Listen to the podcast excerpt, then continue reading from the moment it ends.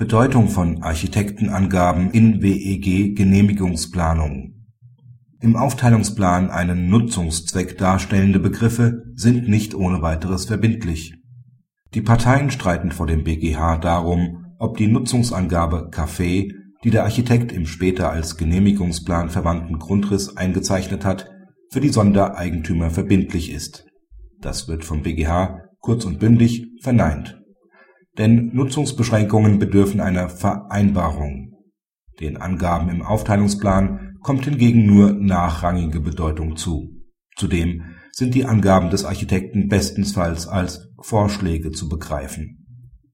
Praxishinweis Die Entscheidung stellt unter Bezugnahme auf die herrschende Meinung in der obergerichtlichen Rechtsprechung dar, dass der Vereinbarung der Wohnungseigentümer Vorrang vor den demgegenüber eher zufälligen Eintragungen in den Aufteilungsplänen gebührt